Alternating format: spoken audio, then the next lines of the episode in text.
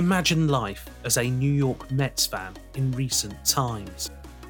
Four successive years without even a trip to the postseason, with even the Marlins finishing five games clear last year. New owner Steve Cohen is keen to change that though. And in this episode of the Reads from the Analyst, we are taking a closer look at the trade for Francisco Lindor and whether it will be enough to return them to NLE success. At the end of this episode, I will be back to give you insight into where you can read more great storytelling like this. But first, please listen to Mr. Smile Goes to NY by Andrew Fenichel.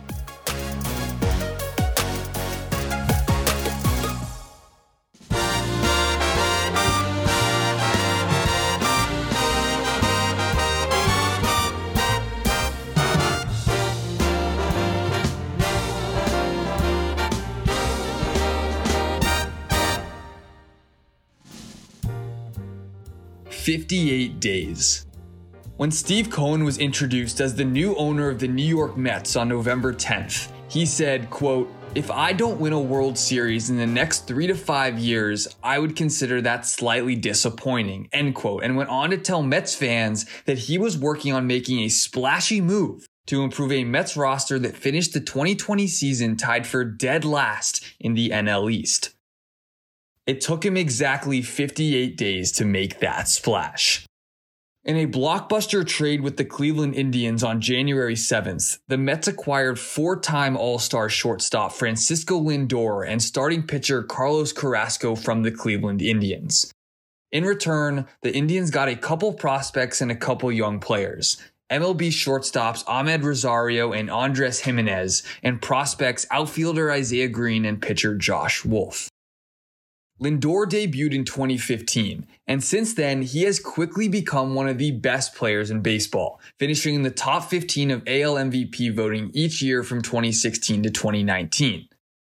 But for a small market team like the Indians, all those MVP finishes meant was that a trade swapping Lindor for young prospects was practically inevitable, as Lindor is set to command a long term contract, perhaps worth over $300 million as a free agent after the 2021 season. For context, after this trade, Cleveland's entire team payroll for the 2021 season dropped to just $23 million the lowest in the majors according to Spotrac. And for additional context, Steve Cohen's net worth is estimated to be 14 billion. So, given that Lindor was never re-signing in Cleveland, this trade is a theoretical win-win for both teams. But just how good are the Mets now? Are they the new favorites in a loaded NL East? How big of a loss is Giménez? And what's next for the Indians? Let's break it down. Watch Francisco Lindor play one game, and it's apparent that he's electric on and off the field, and that he'll be perfect playing under the bright lights of the Big Apple. It's easy to get a deeper look at the four time All Star's impact using Stats Perform's raw value metric, which examines how a batter or a pitcher performs throughout each pitch of an at bat, rather than just analyzing the end result. A raw value score of 100 is considered average. In 2020, Lindor had a 125 RV plus, meaning he was 25% better than the average hitter. Over the past two seasons, Stats Perform graded Lindor's contact ability as his best semi-isolated hitting skill, compared to his discipline and his power, with a contact plus of 107 in 2019 and 105 in 2020. Compare this to Giménez, who was set to be a starting infielder for the Mets after Robinson Cano was suspended for the entire 2021 season after a second positive PED test, and the motivation for this trade becomes obvious.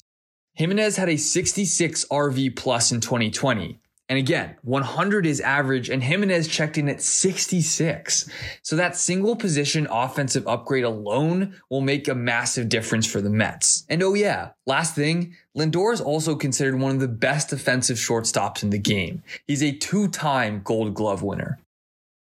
While Lindor is the headliner in this deal, and rightfully so, Carrasco is hardly a throw-in. With a 2.91 ERA over 12 starts in 2020, the Venezuelan right-hander posted an RV minus of 88 just one year after earning 2019 AL Comeback Player of the Year. And in a four year stretch between 2015 and 2018, Carrasco posted a 3.4 ERA over 722 innings as a starter for the Indians. Pretty good.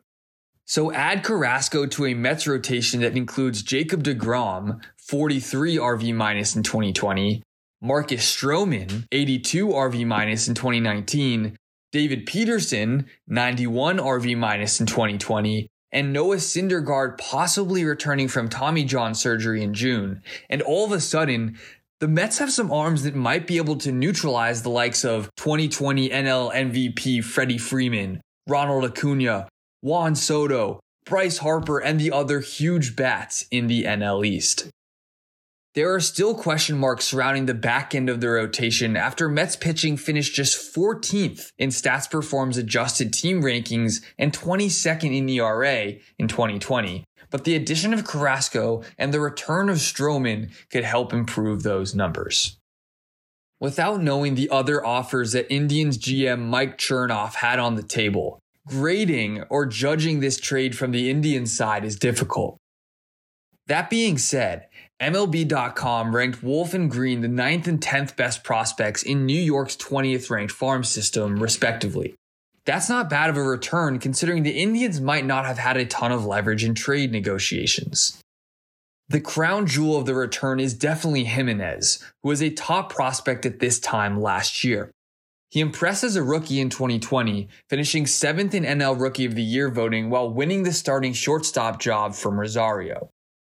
However, the same question about Lindor's looming contract also reigns true with Ramirez. Coming off a runner up finish in the AL MVP voting in 2020, Ramirez is on the last guaranteed year of his contract. And again, given Cleveland's small market status and the revenue loss from the COVID shortened season, Trading Ramirez seems like the next logical step in a potential rebuild. Are the Mets the team to beat in the NL East? The quick answer is, well, no. The three time defending champion Atlanta Braves ranked fifth overall in the 2020 adjusted team rankings with 57.6 total runs above average using RV, far ahead of the Mets, who were 11th with 24.1 total runs in 2020.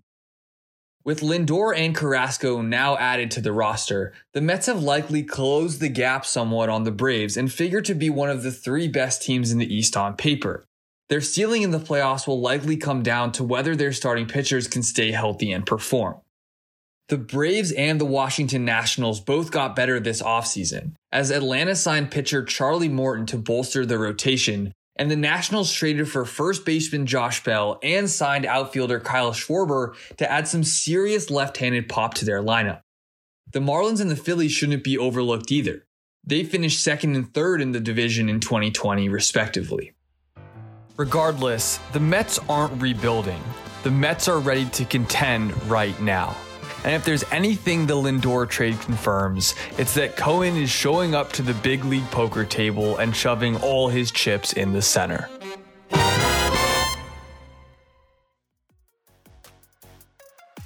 That was Mr. Smile Goes to NY, what the Lindor trade means for the Indians and Mets. Written and read by Andrew Fenichel, with data modeling provided by Lucas Harpt, music from Audio Network, and hosted and produced by me, Graham Bell. This has been a production for The Analyst, home of data driven storytelling, which features great in depth articles from across the US sports scene, as well as specialised data visualizations and more podcasts like this, with the Box Score Show launching this coming Monday. We will have a little preview of that in a few moments for you, but in the meantime, why not head over to our website, theanalyst.com, or alternatively, follow us on Twitter at OptaAnalyst or on our Instagram account at OptaAnalystUS. You can continue to get lost in the reads from the analyst by subscribing on your preferred podcast application like Spotify, Apple Podcasts, Google Podcasts, and many others. and we would also love for you to rate and review the show. Our next episode, with opening day fast approaching, looks back at an incredible 24 hours in San Diego that reshaped the battle in the NL West. But for now, it's so long from everyone at the Reads from the Analyst.